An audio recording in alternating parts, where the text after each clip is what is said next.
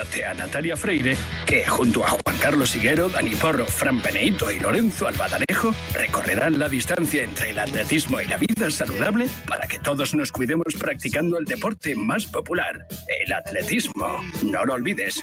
Cada viernes te esperamos con una carrera popular en forma de programa de radio en la que te animamos diciendo Cuídate Runner. ¿Te imaginas un programa de dos horas todos los sábados con los mejores colaboradores, grandes torneos, algunos de los deportistas mejor pagados del mundo, destinos sin igual, gastronomía para chuparse los dedos y una tertulia muy diferente a todo lo que hayas oído? Pues todo lo tienes en Bajo Par en el programa de golf de Radio Marca. Todos los sábados, sin excepción, de 9 a 11 de la mañana. Con Guillermo Salmerón y los mejores especialistas del golf español.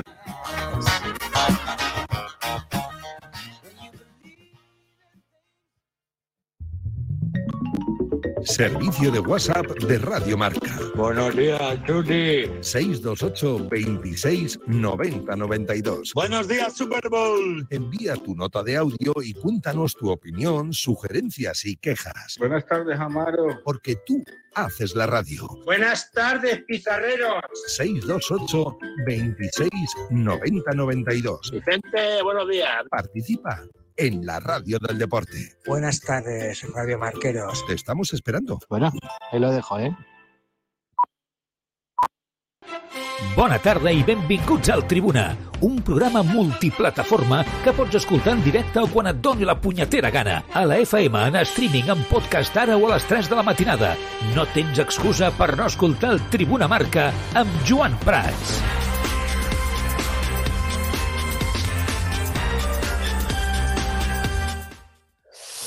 Què tal, com esteu? Molt bona tarda. Benvinguts un dia més al Tribuna Marca. Quina tarda. Mare de Déu, quina tarda ens espera. Per començar per alguna cosa, per l'última hora més immediata, la Liga, la Lliga ha inscrit ja a Gavi com a jugador del primer equip del Futbol Club Barcelona. Passades les, bueno, les 18.30, dos quarts de set de la tarda, d'aquest últim dia de mercat d'hivern en el que ens trobem, la Lliga ha formalitzat l'alta de Gavi com a membre del primer equip del Barça en procedència del juvenil blaugrana. El nom del jugador andalús ja consta.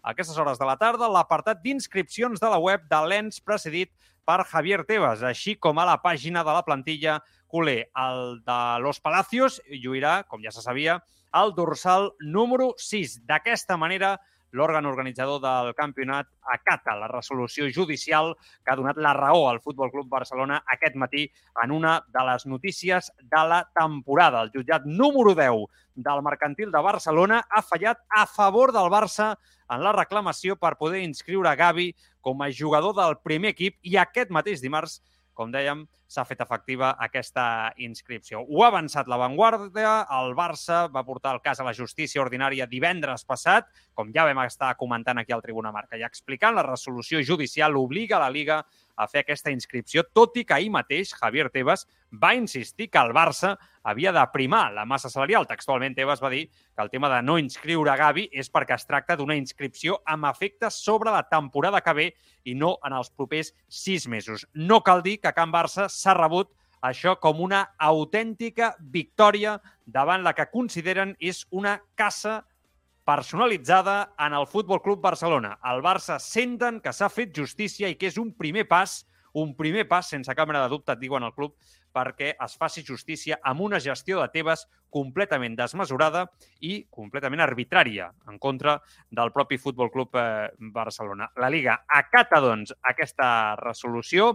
El Barça, en un comunicat, ha explicat abans, al matí, que ha concorregut a la justícia perquè la no inscripció del jugador abans del tancament de la finestra implicaria la llibertat d'aquest i, per tant, un prejudici molt greu i irreparable pel Futbol Club Barcelona. De fet, aquesta, com dèiem, era la gran por del Futbol Club eh, Barcelona. La fatal conseqüència, fins i tot es pot dir, no? que, que podia tenir el, el Barça. És l'escenari que el Barça volia evitar, fos com fos, i com dic, que finalment no s'ha no donat, perquè la no inscripció de Gavi amb el primer equip abans de les 23.59 minuts d'aquesta nit, el dimarts 31 de gener, suposava que la fitxa de l'andalús quedés eh, anul·lada. Automàticament la clàusula de rescisió passaria dels 1.000 milions d'euros que va establir la seva última renovació a zero. Per tant, ja que avui Xavi ja ho ha dit en roda de premsa, no? que no hi havia, no veia molta voluntat en Gavi d'abandonar el Barça, però, escolta, això del futbol mai se sap. Tot el contrari, eh? ja n'hem vist de, de molt gruixudes. I en esas estamos, en aquestes hores de la tarda, a les 7 i 3 minuts de la tarda, esperant per veure si en aquestes últimes hores de mercat pot arribar o no un últim fitxatge. Un últim fitxatge que des del club diuen que és pràcticament impossible. S'ha donat voltes en base al lateral, al migcampista, noms de tota mena, de tots els gustos. Alguns us agradarà més, alguns us agradaran menys i fins i tot us semblaran estrambòtics, però la situació del Futbol Club Barcelona amb el fair play és la que és. Pel camí ha parlat Xavi en aquesta roda de premsa i ha dit, a diferència dels últims dies, bueno, que si hi ha un reforç, no dirà que no, tot i que la plantilla és, eh, està compensada, que pot tirar fins a final de temporada. Amb la sortida d'Héctor Ballarín, camí de Sporting de Portugal, l'última hora, pràcticament, i ara ho anirem comentant en aquesta hora i mitja de programa llarga que tenim avui, és que el tema d'Amrabat amb la Fiorentina, el jugador que va destacar amb el Marroc, el migcampista, segurament és l'única via oberta realment a aquestes hores de la tarda, a les 7 i 4 minuts.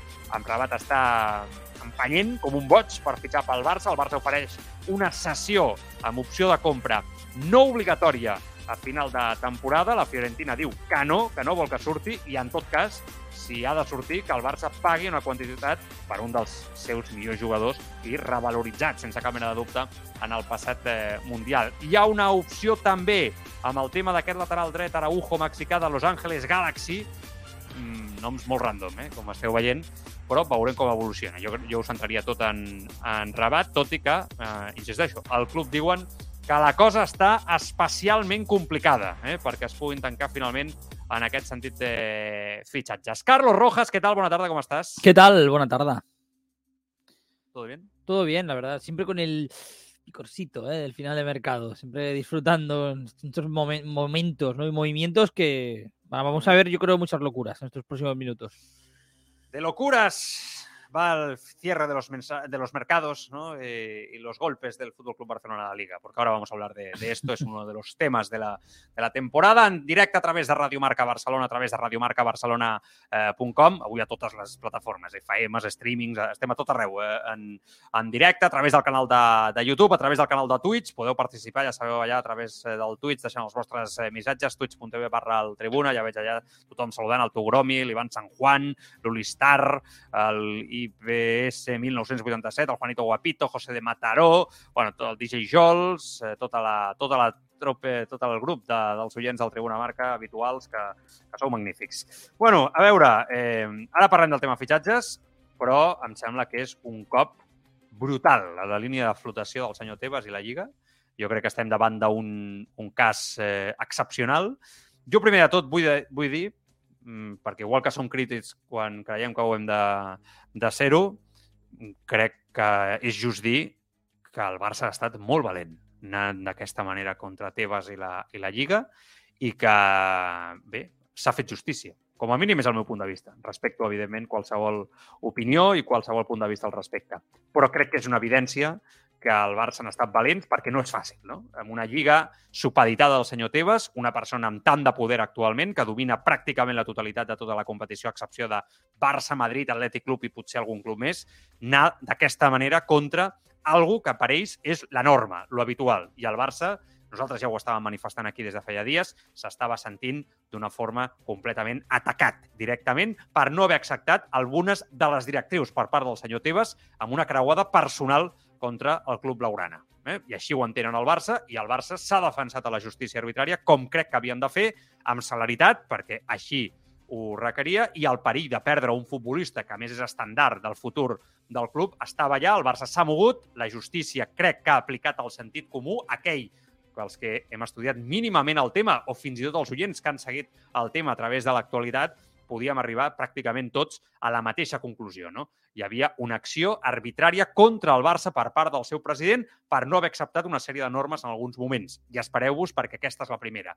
Una és el tema de Gavi, però recordeu que ja us ho vam explicar, el Barça interpreta que amb el tema de CBC, mm, el Barça va dir que no, però sí ho va fer amb, amb Six Street, que és l'altre fons d'inversió, el Barça interpreta que ha de tenir marge per poder fitxar pagant traspàs el proper estiu.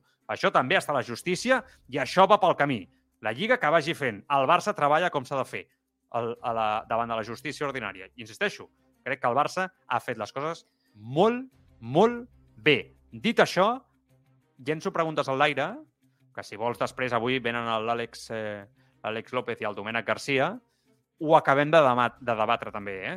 però crec que això senta un precedent. Vull dir, en el moment que la justícia, pregunto, eh, dona la raó al Barça, és que està dient que el senyor Tebas tenia un, un motiu que eh, anava molt més enllà del que és la pura interpretació de la llei, sinó un motiu arbitrari, com dic, en contra del Futbol Club Barcelona, demostra això que la Lliga té un president que intenta enfonsar equips perquè té creuades personals amb els propis equips. Hi ha qui pensa que sempre ha estat un antic culer declarat i que anirà contra el Barça sempre que pugui. A banda d'això, contra el president Laporta, per no haver signat, en alguns casos Laporta, alguns, eh, alguns acords que el senyor Tebas el beneficiava de cara a la, com a president de la Lliga, de cara als acords que té la pròpiament la, la Lliga com a tal. No? Mm, ens, tot això ens ho demostra? Ho pregunto, perquè en un país normal segurament s'estaria debatent si aquest senyor avui ha de dimitir del seu càrrec. Ho dic seriosament, tal i com ho penso, en un país normal. Claro, Ah, en un país normal. Pero avui ens hauríem de preguntar, eh, Carlos, si Tebas tiene que dimitir, porque para mí se demuestra que este señor no gestiona igual para todos, que no es una persona responsable en su cargo. Recordemos, la liga no es suya. Él es el representante de los equipos para dirigir esa competición. En el momento que tiene una cruzada personal y domina esto como si fuera su cortijo, para mí ya es suficiente motivo, además ahora demostrado con la justicia, para que se vaya a su casa. Empiezo por el final de lo, de lo que has comentado, estoy totalmente de acuerdo, pero mm, efectivamente en un mundo ideal o en un país ideal, este, sin embargo, es un país que está muy bien, mejor que Qatar, ¿eh? le diría Xavi, pero en el que el presidente de la Federación Española de Fútbol, eh, bueno, protagoniza todo lo que ha protagonizado, ¿no? No digo Tebas, ¿eh? digo el presidente de la Federación Española de Fútbol, Luis Rubiales, todos los escándalos de todas las índoles, yo diría moral, social, financiera, en los últimos 12 meses y no ha dimitido, no va a dimitir el señor Tebas por, por Gaby, ¿no? En una inscripción o perdón, una guerra. Estamos de acuerdo que el Barça lo ha dejado con el culo al aire. Claro, totalmente. Yo, yo, de hecho, es un poco lo que, lo que hemos ido comentando en estos programas, ¿no? Eh, justicia ordinaria. Es que al Barça no le quedaba otra que llevarlo a la justicia ordinaria. Y eso es una pequeña batalla. Yo creo que al final se acabará elevando mucho más, ¿no? Como el señor Tebas eh, continúe, pues, metiéndose en todo, prácticamente, ¿no? En cualquier decisión del Barça para, para perjudicarle institucionalmente estamos ante un precedente muy, muy importante, porque hasta ahora la sensación era, incluso hasta esta mañana, ¿no? Antes de ver esa resolución, de que aquí el Barça, tú lo dijiste ayer, dijiste una palabra que lo, lo definía muy bien, que es sometido, está totalmente sometido, ¿no? A, a lo que quisiera la liga, te, te mete una nueva ley, una nueva norma y es lo que hay, te aguantas, ¿qué vas a hacer? ¿Me, vas a, me la vas a saltar? Si es mi propio organismo, ¿no? Eh, y es algo que es para celebrar, porque más allá de, ¿no? de, la, de, de que Tebas como persona, ¿no? Como personaje, pues es golpeado, ¿no? Y sale mal, pues eso está claro, ¿no? Y que siempre nos alegramos que una persona como él, pues no haga lo que quiere, ¿no? Que no le salga todo tanto como él desea. Pero institucionalmente, la liga deja de tener ese valor, ¿no? O ese mm, poder que yo creo que era ya excesivo. Y el Barça sienta un precedente. La verdad que yo creo que todos los clubes, no solo el Barça, deberían celebrar, ¿no? Porque Sí, recupera un poco de es libertad. Sí, es importante que los- el resto de equipos eh, que dan apoyo a Tebas, ¿no? Se puede decir así, de alguna manera. O miran hacia otro lado frente a los privilegios que les da Tebas, que ya veremos si el tiempo dirá si son tan buenos o no, como el acuerdo de CVC, que insisto, hemos dicho ya muchas veces que ese acuerdo parece que no es tan bueno como él vende que es, pero bueno. Creo que deberían de dar un paso al frente ante esto, ¿no? Por lo menos entre bambalinas decir, oye, eh, está claro que no nos podemos fiar, ¿no? Y que el Barça ha puesto al presidente Tebas en una situación que nos deja al resto, por lo menos, ¿no? Em- Nos empuja a tomar una decisión, ¿no? Eh, y, y yo creo que esto, no de forma inmediata, pero va a tener consecuencias para el presidente de la liga. Eh, recuerdo como un expresidente del Fútbol Club Barcelona, eh, hará año y medio o así, eh, me dijo que él había tratado a Tebas de forma, de, de forma personal y creía eh, que tenía una cruzada personal, personal contra el Fútbol Club Barcelona a nivel de que odiaba al, al Fútbol Club Barcelona de, de manera real y, y personal. Yo no, yo pienso que, que tiene, que, es, que no es así, sinceramente, no, me puedo equivocar, si es así mm, también me encajaría, porque ya lo he visto todo en esta vida, pero, pero yo creo que tiene más que ver, con- Carlos, con, con el hecho de que Tebas eh, tiene intereses a nivel de negocios, a nivel de ego, a nivel de éxito profesional. Totalmente, ¿no? yo voy Eh, por ahí también. y, y me da la sensación que, que, eh, el Barça de José María Bartomeu, quizá hasta la parte final, iban de la mano, ¿no? O sea, con Exacto, señor Tebas se llevaban bien, cosas, sí, porque sí. con Bartomeu pues había un encaje, ¿no? Digamos, de, de alguna, de alguna manera en la, en la postura. Bartomeu no molestaba. En el momento en el que el Barça se ha negado ¿no? a las líneas maestras del plan trazado por el señor Tebas, el Barça es el gran enemigo, ¿no? Eh, igual que lo es Florentino Pérez. La diferencia entre uno y otro es que Florentino Pérez y el Real Madrid no están en la situación económica del Barça y el Madrid no se tiene que exponer a esa situación en la que sí que se ha expuesto el Fútbol Club Barcelona, ¿verdad? En los últimos dos años, desagradablemente. Seguramente, si no hubiera sido así, no, tendríamos esta situación. Lo que passa és que, el que passa és que jo crec que se el al Tebas amb la situació personal que té el Barça, no? com, a, com a entitat. El Barça ho pot haver fet millor o pitjor. Podeu estar més o menys d'acord amb la gestió del seu president i la seva junta directiva. Això jo crec que com a culers, socis, aficionats, podeu estar, insisteixo, més o menys d'acord. Però, però el que està clar és que han fet coses. S'han mogut en una direcció. Eh, el tema de les famoses palanques, bueno, doncs hi ha gent que està més o menys d'acord, però és evident que és un moviment estratègic respecte a un patrimoni propi que posa en risc també la gestió dels propis gestors del, del Futbol Club Barcelona. Ells assumeixen un risc. El senyor Tebas no pot venir a dir què fer amb el patrimoni del Barça per extreure uns diners, no? per utilitzar-los per guanyar títols, que és el que al final acaba, això acaba, va d'això, de que el Barça torni a ser competitiu com aquesta temporada ho ha tornat a ser. Eh, crec que el Barça ja va ser molt hàbil amb aquest tema, insisteixo, sense que haguem d'estar més o menys d'acord amb el tema de la venda d'actius, però el Barça va utilitzar els seus actius com qualsevol altra empresa pot fer per treure uns diners i utilitzar-los al mercat. La Lliga no ha de venir a fer res, insisteixo. I, I ho dic perquè el proper pas és aquest. Perquè la, la Lliga ha aprovat una norma anti-Barça perquè el tema de les palanques pràcticament no puguin ser utilitzades pel tema del fair. Del- Això ja està a la justícia també i, i ja veurem què passa, perquè jo crec, Carlos, que vamos camino de tres golpes de la justicia ordinaria diciéndole a la Liga interpreta mal la norma y que actúa mal, en este caso, con el Barça. Pero por una cuestión de, sentido común. Y dos, por una cuestión de información. Los abogados que han estudiado el tema del Barça le dicen al Barça, la Liga no tiene nada que hacer, vamos a ganar. La norma está muy clara. Yo tampoco soy jurista, evidentemente, ni tengo ni idea, pero a mí me parecía muy, muy extraño todo esto de, ¿no? De- porque al final, del plan de viabilidad, ¿eh? hablo sobre todo concretamente, porque al final, insisto, sin tener ningún tipo de conocimiento, me da la sensación de que tú tienes una normativa objetiva ¿no? e imparcial, en la que siempre has tenido como, como, como liga, ¿no? como institución, y de repente sustituyes el status quo por un ente arbitrario. Es decir, es como si tuviera que el profe aprobarte el trabajo de, de, ¿no? de economía. Decirte, a ver, tu plan estratégico, mm, no me gusta, fuera, no puedes escribir a Gaby. Me caes bien. Exacto. Tú me caes bien, tú me caes peor. eh, Tú me, No, yo no entiendo tal, por qué el señor Tebas tenía que revisar eso, ¿no? Y, y porque es algo que se incluye así de, de un día para otro. Pues esa es otra. El Barça gana A el, ver, gana el caso Gaby, pero, pero yo quiero saber qué va a pasar con esa normativa que ha aplicado la liga. Si se va a eliminar, si se va a abolir o qué va a pasar. O la van a tener que enviar todos los clubes. No, Carlos, es que sabes qué pasa, sabes que tiene una fácil respuesta a esto que- preguntas y, es así de triste la respuesta, es muy triste la respuesta. No va a pasar nada, porque la, liga nunca ha aplicado ese criterio como lo ha aplicado con el Barça. Entonces, no va a pasar nada porque con el resto de clubes va a aplicar la norma tal como está y no va a tener que hacer absolutamente nada. Es que el tema es tan grave que es que solamente se ha aplicado contra el Fútbol Club Barcelona. Es que estamos a nivel de organización deportiva, de élite en el mundo, estamos hoy ante un caso de una magnitud enorme. O sea, es que yo creo que esto, de verdad, ¿eh? en las escuelas de negocios de deporte va a ser estudiado este caso como una mala gestión por parte del responsable de una competición. O sea, hoy los responsables de MotoGP, de la Fórmula 1, con sus empresas detrás, de la NBA, de la NFL, de la Premier League, están viendo o están teniendo un ejemplo de lo que no deben hacer como gestores de esas competiciones.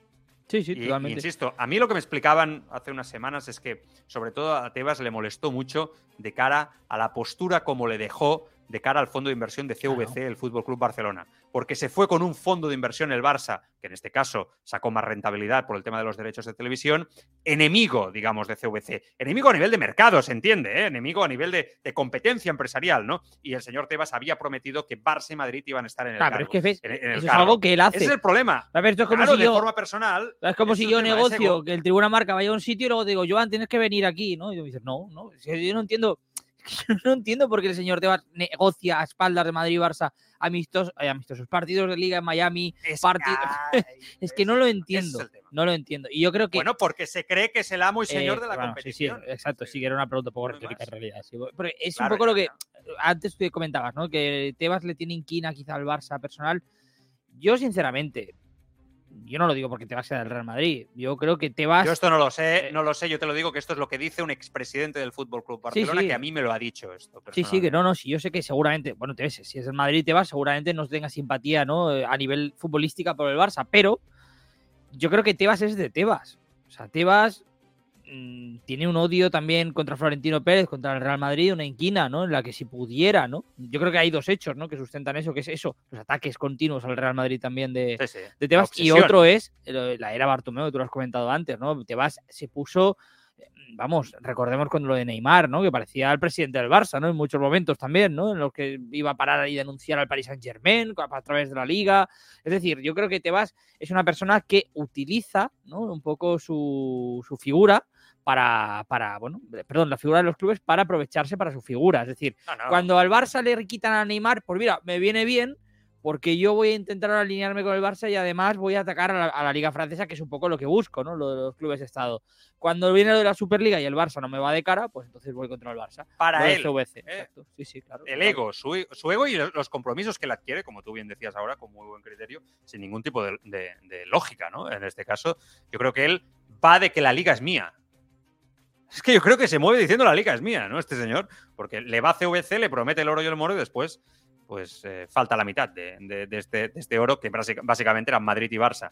Entonces, él cuando ahí se siente un poco, sabe que queda mal ante CVC, es cuando reacciona como ha reaccionado de forma vengativa contra el Fútbol Club Barcelona. Y esto en el Barça lo tienen muy claro, lo tienen clarísimo. ¿no? Eh, Si el Barça firmaba con CVC, Messi seguía. Si no, no seguía. Esto el Barça se lo ha tenido que escuchar en una mesa de negociación, en casa de uno de los dirigentes del Fútbol Club Barcelona. Entonces, ¿qué- ¿me pueden explicar cuál es la diferencia entre firmar una cosa o firmar otra? O sea, es que yo creo que está muy claro, ¿no? Y, y- y sabéis que normalmente intentamos ser eh, coherentes, no siempre lo conseguimos, porque evidentemente somos personas y nos equivoca- equivocamos cada tarde delante de estos micrófonos, pero intentamos ser coherentes con nuestras opiniones y, y sabemos que nadie es perfecto y que santos en esto del fútbol hay muy pocos a día de hoy. En el fútbol español quizá aún menos, menos. Pero es que este caso lo hemos tratado de esta manera en los últimos días, meses, porque es que lo vemos muy claro. Y vemos una injusticia muy clara, ¿no? Y, y creo que hay que decirlo. Y la gente tiene que saber que la liga está en manos de, de una persona que actúa como, como estamos explicando, nuestra opinión, nuestro punto de vista al ver y conocer los hechos y por lo que explican en algún caso, ¿no? Algunos de los que se sienten o son protagonistas, en este caso, gestores del, del Fútbol Club Barcelona. Es, es, eh, es muy duro, es muy fuerte y vamos a ver, yo insisto, yo creo que el señor Tebas tendrá que decir alguna cosa. Eh, lo que pasa, Carlos, es que este tipo de personas normalmente se sienten intocables. Eh, en España hemos tenido también personajes públicos en cargos de poder, políticos, etcétera, que, mm, viven en, en- en otra dimensión. ¿no? Yo creo que se puede decir así. ¿no? Y hasta que no está la espada de Damocles ya, ¿no? sin ningún tipo de, capacidad para ser frenada, quizá no se dan cuenta de los hechos. Vamos a ver, ¿no? No quiero aventurarme, esto ya es hacer de futurólogo, pero sí que os Sí. puedo decir que intuyo que el señor Tebas no va a hacer absolutamente nada desde su cargo y que la opinión va a ser, ah, no, sí, bueno, la justicia ordinaria dice esto con ese... Aquest tarannà que parla ell, no? De com si les coses no fossin impor- importants quan, quan són coses que, que l'ataquen amb ell o que el posen a l'ull de l'huracà amb ell i, en canvi, quan les coses són dels altres, ell, ell dona no? amb, amb tota la brutalitat i tota la força del món, no? Eh, bueno. Eh, ¿Quieres añadir algo más? Vamos a leer mensajes si, si te parece. Solo añadir que evidentemente el Barça ha ganado esta guerra, pero vamos, que la gente, al igual que lo dije en verano, Esta ¿no? batalla, Cuando- esta batalla. Ha ganado la batalla, sí. pero no ha ganado la guerra, ¿no? O sea, que la gente se espere el, que el siguiente movimiento de Tebas sea aún más surrealista que este, que lo ha sido. sí, O sea, yo no tengo ninguna duda que a la que haya Bueno. esto, un contrato, me invento, ¿eh? Un contrato de los sponsors que quiere firmar el Barça de Mar, va a intentar paralizarlo, no contabilizarlo, no computarlo, ya lo veréis.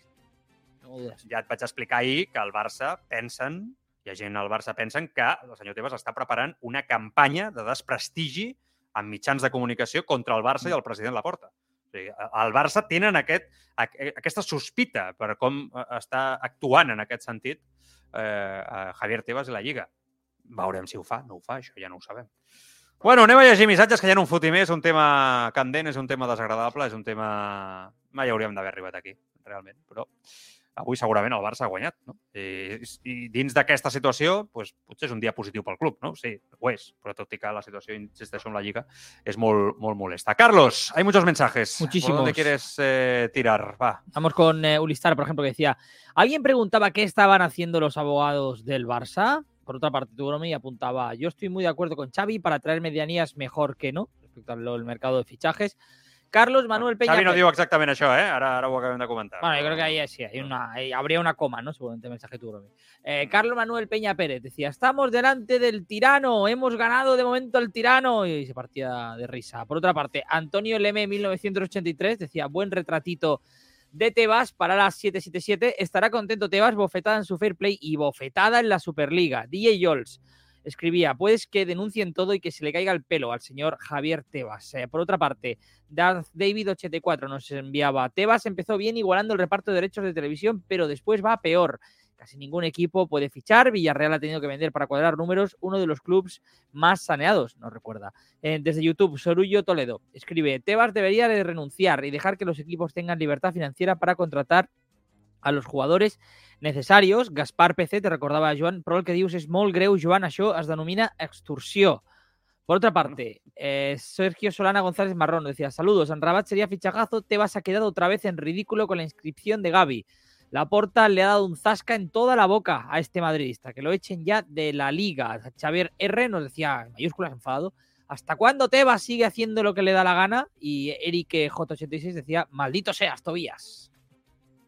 Bueno, amb humor, eh? també aquests últims missatges eh, en aquest sentit. És un tema, com dic, eh, important i que anirem seguint i que segurament els propers dies, però bueno, avui el Barça és una, una victòria. Ha parlat Xavi sobre la inscripció de, de Gavi eh, i aquesta victòria legal del Barça davant de la, de la Lliga. Soc molt fluix, la veritat, però el que sí que et puc dir que és una, una gran notícia per nosaltres, no? poder inscriure a Gavi era un dels objectius que ens marcàvem en aquest mercat i bé, sembla ser que ara ja està d'alguna manera la pilota a la taulada de la, de la Lliga, no? Eh, sembla que un jutge ens dona la raó i això és una molt bona notícia per nosaltres. Content, content pel Gavi, esperem doncs, que, es pugui, que es pugui inscriure, però bé, sembla ser que, que ho podrem fer. Molt bona notícia per, per nosaltres, no? i per Gavi també. Com hem explicat, ja a dos quarts de set ja s'ha fet efectiva aquesta inscripció i li han preguntat per la figura, per la persona de Javier Tebas, a Xavi Hernández, no? Eh, amb una pregunta que jo trobo excel·lent, excel·lent, de l'Ivan Sant Antonio del diari, del diari Esport, eh, que si té alguna, bueno, el que dèiem, no? alguna mena de mania personal contra el Futbol Club Barcelona li han, li han preguntat a Xavi, a Xavi Hernández, que jo crec que ha patit una mica eh, en, aquesta, en aquesta resposta, l'han posat una mica entre l'espasa i la, i la paret. La sensació que he tingut jo, eh, abans d'escoltar-lo, que Xavi segurament en privat et diria una altra cosa, sent entrenador del Barça i com a portaveu, doncs segurament diu el que, el que toca dir, no? Doncs no ho sé, és una pregunta directament cap a ell, no? Si quan fa, faci una roda de premsa, doncs li podeu, li podeu preguntar. No sé. No sé, no sé, jo el conec molt poc, pràcticament he parlat dos vegades amb ell, ens hem saludat i poc més, no tinc, no tinc tracte personal directament amb ell. Bien aquí, Xavi, ¿eh? Estamos de acuerdo. O sea, yo creo que si hubiera dicho Carlos, hoy ahora la gran barbaridad con Tebas, ¿no? Hubiera, hubiera contestado. No lo soporto. Aquí en el club, cae- tú imaginas que contesta. No, yo no lo conozco, pero aquí en el club me dicen que cae fatal, ¿eh? O sea, que no. Sí, sí, no es más popular de- de- del club. No, creo que bien, que ha, ha estado bien aquí, no entrando. Ver, yo creo mejor. que ya desde el discurso, ¿no? Cuando. Bueno, muchas veces Xavi ya da la sensación, también te digo que eso es bueno y malo a la vez, ¿no? Que a veces va un poco a su bola, ¿no? En el sentido de, ah, nos ha dado la razón el juez, pues mira, bien, me alegro, ¿no? El otro día que le preguntaban por lo de, ¿no? De lo de la federación, lo del femenino, ¿no? Recordemos que fue expulsado de la Copa, ¿no? Decía, bueno, pues no se habrá hecho algo bien, ¿no? Un poco va a su, a su bola, pero, pero bueno, yo creo que él no se Sí, quiere sí. meter en camisa de Esto no es un problema suyo, sino es un problema del de, de- en todo caso Sí, sí. el departamento de comunicación o la comunicación del club que tiene que consensuar el mensaje, sobre todo cuando Xavi va a hablar, se expone a que le pregunten sobre cualquier tema de actualidad del Fútbol Club Barcelona, como es conocido. Entonces ahí el departamento de comunicación tiene que hacer un buen trabajo preparando al entrenador en sí para los temas a los que el cual se puede exponer y si quieres unificar el mensaje como entidad, pues hay que trabajarlo, ¿no? Eh, yo creo que ahí lo que falló en ese caso fue ese, ese trabajo interno a la hora de exponer al personaje a la opinión pública. Sí, sí, no, totalmente de acuerdo. ¿no? Y en el caso de, de Tebas, yo creo que sí que se muerde la lengua, pero porque hace un ejercicio de comprensión, entiende que no es su guerra, y que además es un tema muy delicado, porque incluso aunque él no sea ¿no? el presidente del Barça, no forme parte de la junta directiva, enviar un mensaje, digamos, duro, contundente contra la liga, tampoco ayuda, ¿no? Eh, Seguramente se contribuya más a, a intensificar esta guerra, y bueno, yo creo que él sabe cuál es su posición y ahí no entra. Vale.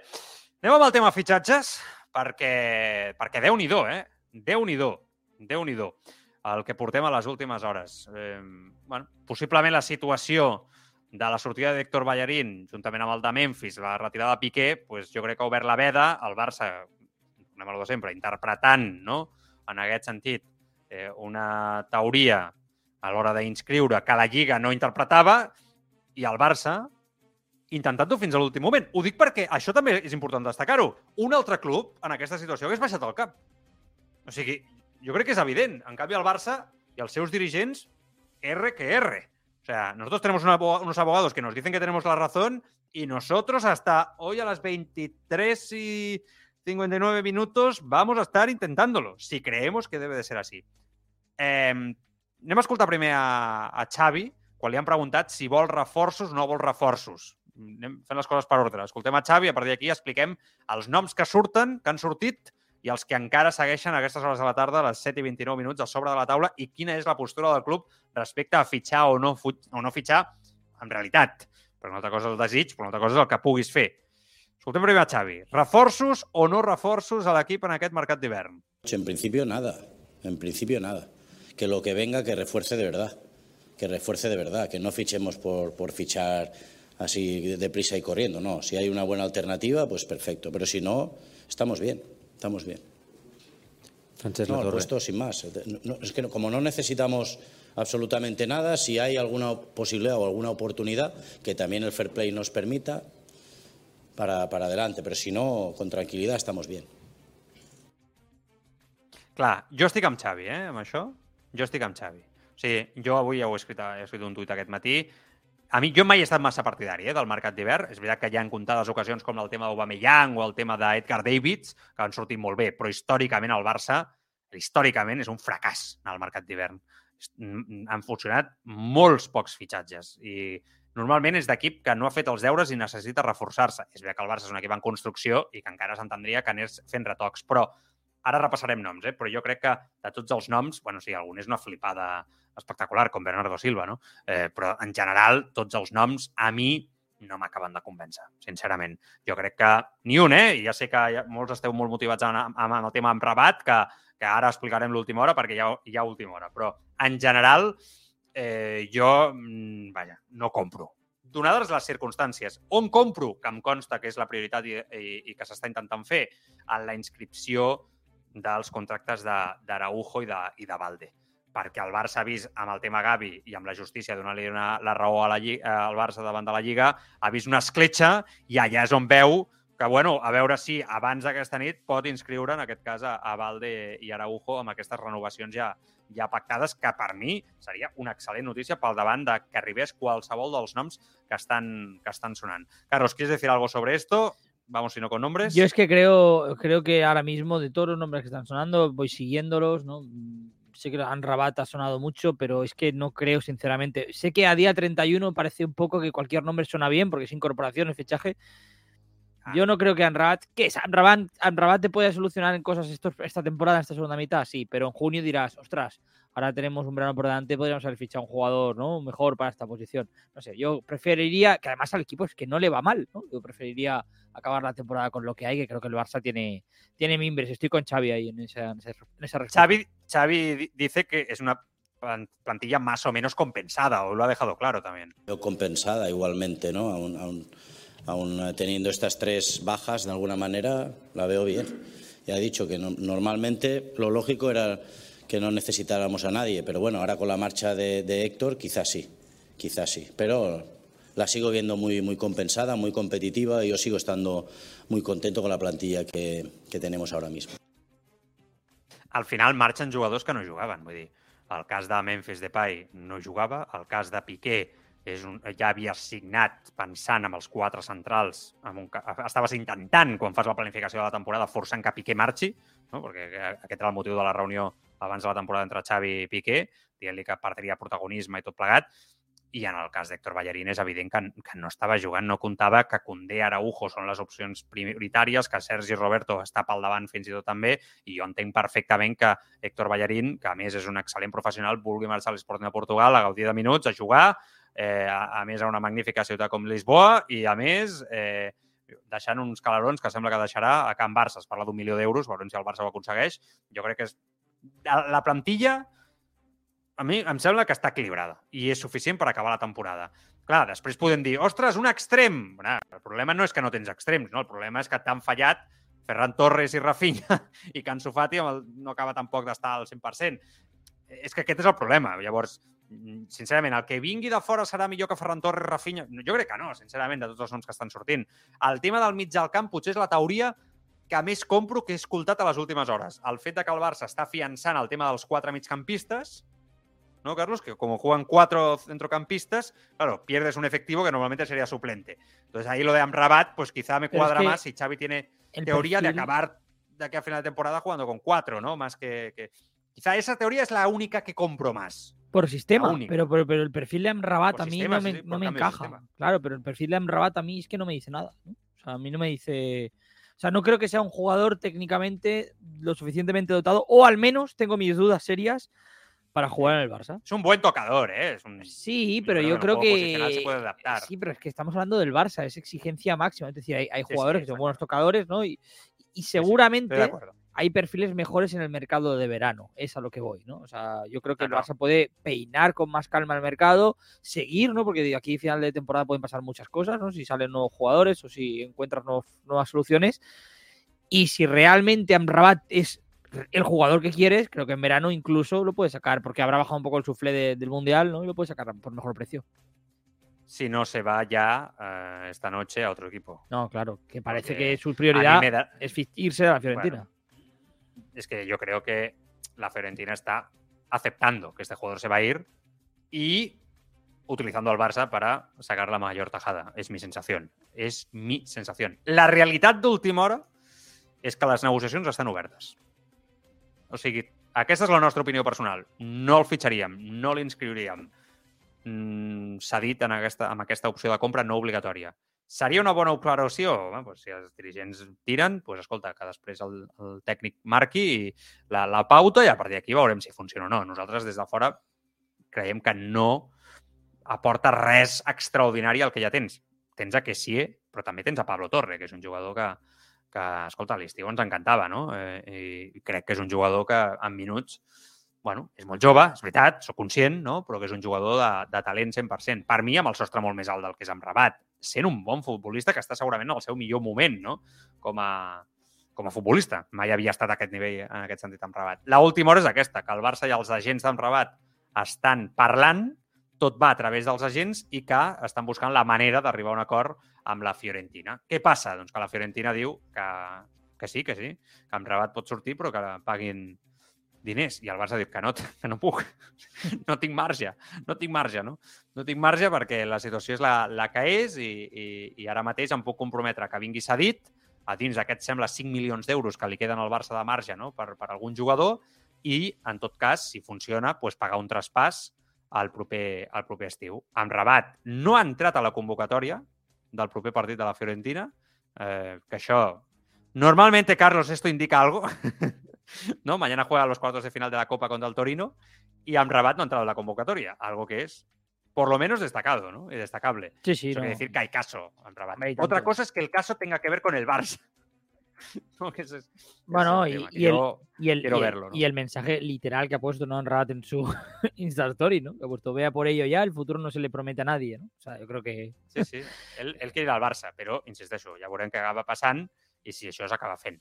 Eh, dit això, dit això, mm, valorem l'opció de que quan tenim una situació de debilitat per lesions, per una sortida d'última hora que no esperaves, tornis a, a, a tirar de la pedrera. Perquè eh, jo crec que al Barça històricament això li ha sortit bé. I en moments com aquest és quan es descobreixen a les joves perles de la pedrera i el Barça té una gran pedrera. Hi ha jugadors de molt nivell. Per fer, sí, però a mi m'agrada, sincerament. M'agrada quan, quan tens una debilitat en aquest sentit, doncs, pam, ¿no? El entrenador que apuesta y en Can Barça gusta mucho la masía. Y con, y con el jugador de casa siempre hay mucho más margen, ¿verdad? Hombre. Eh, de paciencia. Es que, quiero decir, tampoco está... O sea, estamos hablando de, de Amrabat, la otra alternativa. Es decir, el mercado te ofrece Amrabat y la... ¿no? Y, digo. Amrabat, ¿no? Y la otra es la cantera, la opción cantera, ¿no? Yo, yo creo que, insisto, el Barça la única urgencia que tiene ahora mismo para mí es en el lateral derecho por efectivos, porque eh, Héctor Bellerín es, una- es un jugador efectivo, ¿no? Que se va, pero no es un futbolista importante en el Barça. Es decir, yo creo que incluso, ¿no? O sea, no es, bueno, no es ni es el tercer lateral derecho, quizá, Sergio Roberto estaría Cuarto. o cuarto, ¿no? Entonces, Cuarto, cuarto. bueno, yo creo Ahora que mismo sería Cundé, el titular, ¿no? Digamos, Sergio Roberto segundo, normales. No, yo diría que Araujo, Araujo. sería el segundo, cambiando un poco por si hay un extremo top, ¿no? Delante, para hacer un marcaje a, eh, como podría ser Vinicius, ¿no? Por ejemplo. Tercero, yo diría que es Sergio Roberto, ¿no? Ahí sí que estamos de acuerdo.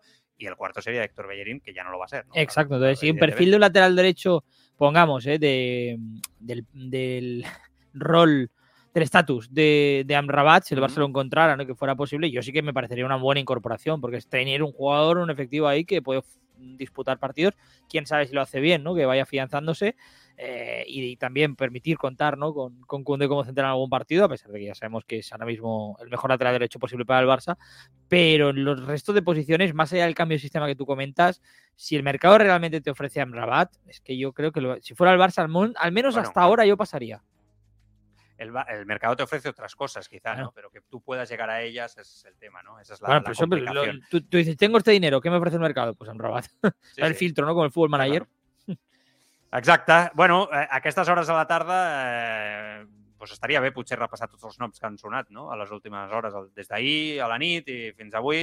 Eh, bueno, el tema d'en Rabat, eh, ja s'ha dit. Eh, alguns mitjans encara diuen que l'opció d'aquest lateral dret mexicà d'Araujo de Los Angeles Galaxy està oberta, que hi ha converses obertes encara. Es, esta operación, sin ver mucho Araujo, ¿eh? sin conocerlo, ya me parece eh, vamos, eh, jugar al FIFA o al Fútbol Manager, como tú dices, ¿no? A ver, ¿qué jugador joven, tal, internacional o que apunte de manera? Venga, el, el de Los Ángeles Galaxy, el lateral. Joder.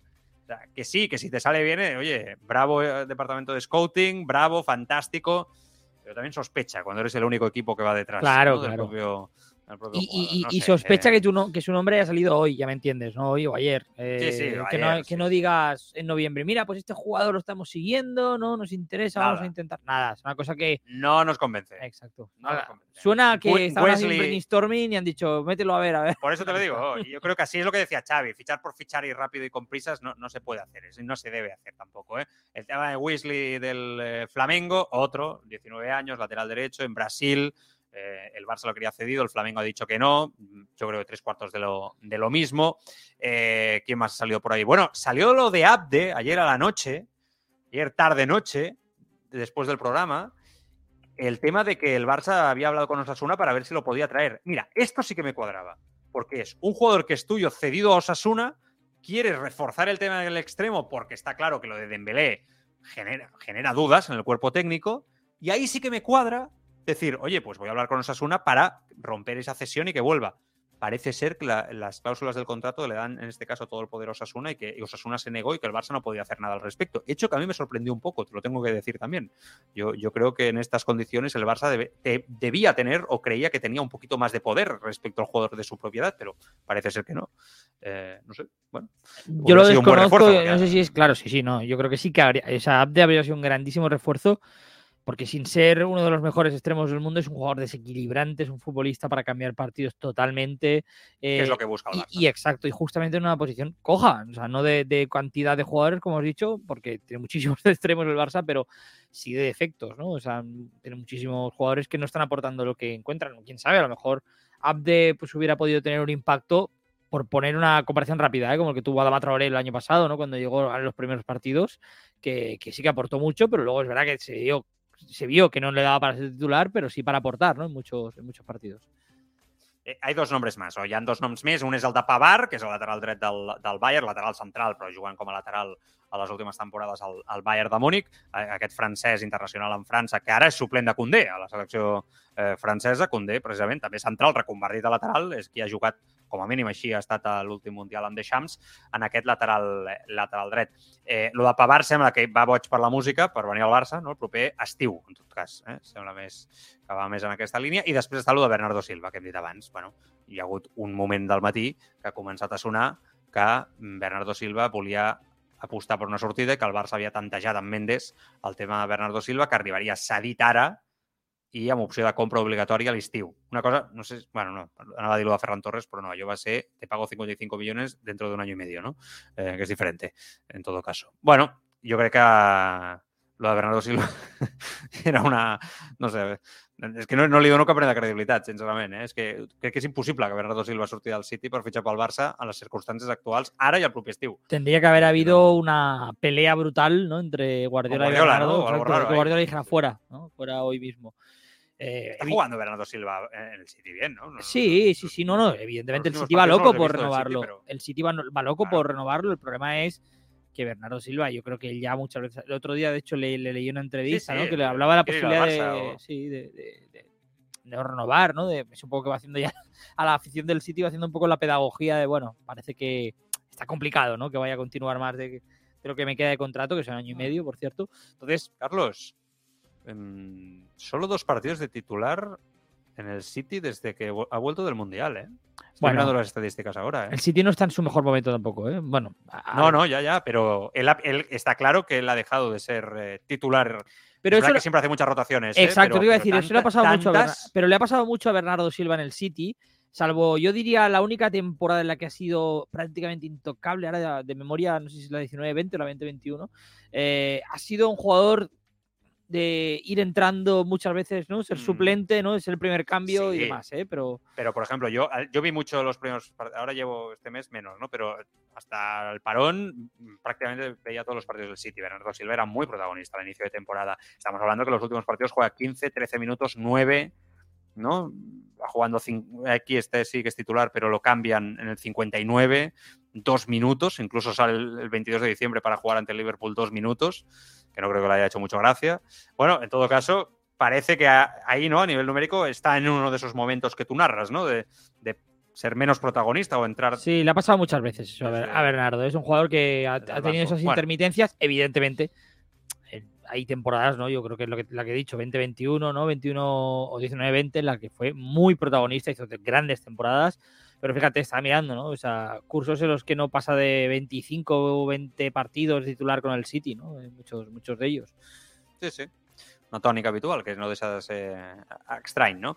Estan informant ara mateix, fa un minut, els companys del Diari Esport diuen que el Barça segueix treballant per inscriure el nou contracte d'Araujo abans de les 12 de la nit, que encara hi ha marge. Per tant, confirmem el que ja us dèiem, eh? que la prioritat per sobre del fitxatge és inscriure el contracte d'Araujo a les mateixes condicions de Gavi. No? Ja renovat, però sense, inscrit, sense ser inscrit a la Lliga. Per tant, jo crec que és una bona notícia, sense cap mena de dubtes, que el Barça estigui prioritzant això, com a mínim és el nostre punt de vista al, al respecte.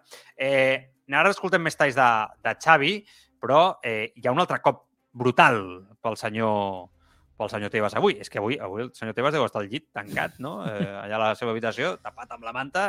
No me molestéis. Falta que le llame al a Kelaifi. salir el sol. Sí, sí, solamente falta que el Kelaifi o que la justicia, porque creo que también denunció algo en la, ante algún organismo, yo me pierdo ya, ante algún organismo, también al PSG lo denunció, ¿no? Den- Denunció al PSG ante algún lado, eh, no sé dónde ya, pero lo denunció también por el tema del club Estado, etcétera. Bueno, que ahí no le falta razón, ¿eh? hay que decirlo, en este, en este caso. Bueno, el tema está en què, en què l'altra notícia del dia té a veure amb l'Audiència Provincial de Madrid, en aquest cas, que ha estimat que el recurs d'apel·lació contra el jutjat mercantil número 17 i desestima eh, l'oposició de la UEFA eh, en un informe del tema de la Superliga. Bàsicament, el que ve a dir és que la justícia, bàsicament el que diu és que la UEFA no pot dir que la Superliga mm, deixi de fer el que vulgui com a competició en aquest sentit o organitzar el que vulgui, bàsicament, no? I que la FIFA i la UEFA no, mm, no poden determinar si la Superliga pot fer accions o declaracions públiques dels seus dirigents que no els hi permetin als promotors de la Superliga tirar endavant la competició. Bàsicament el que ve a dir és.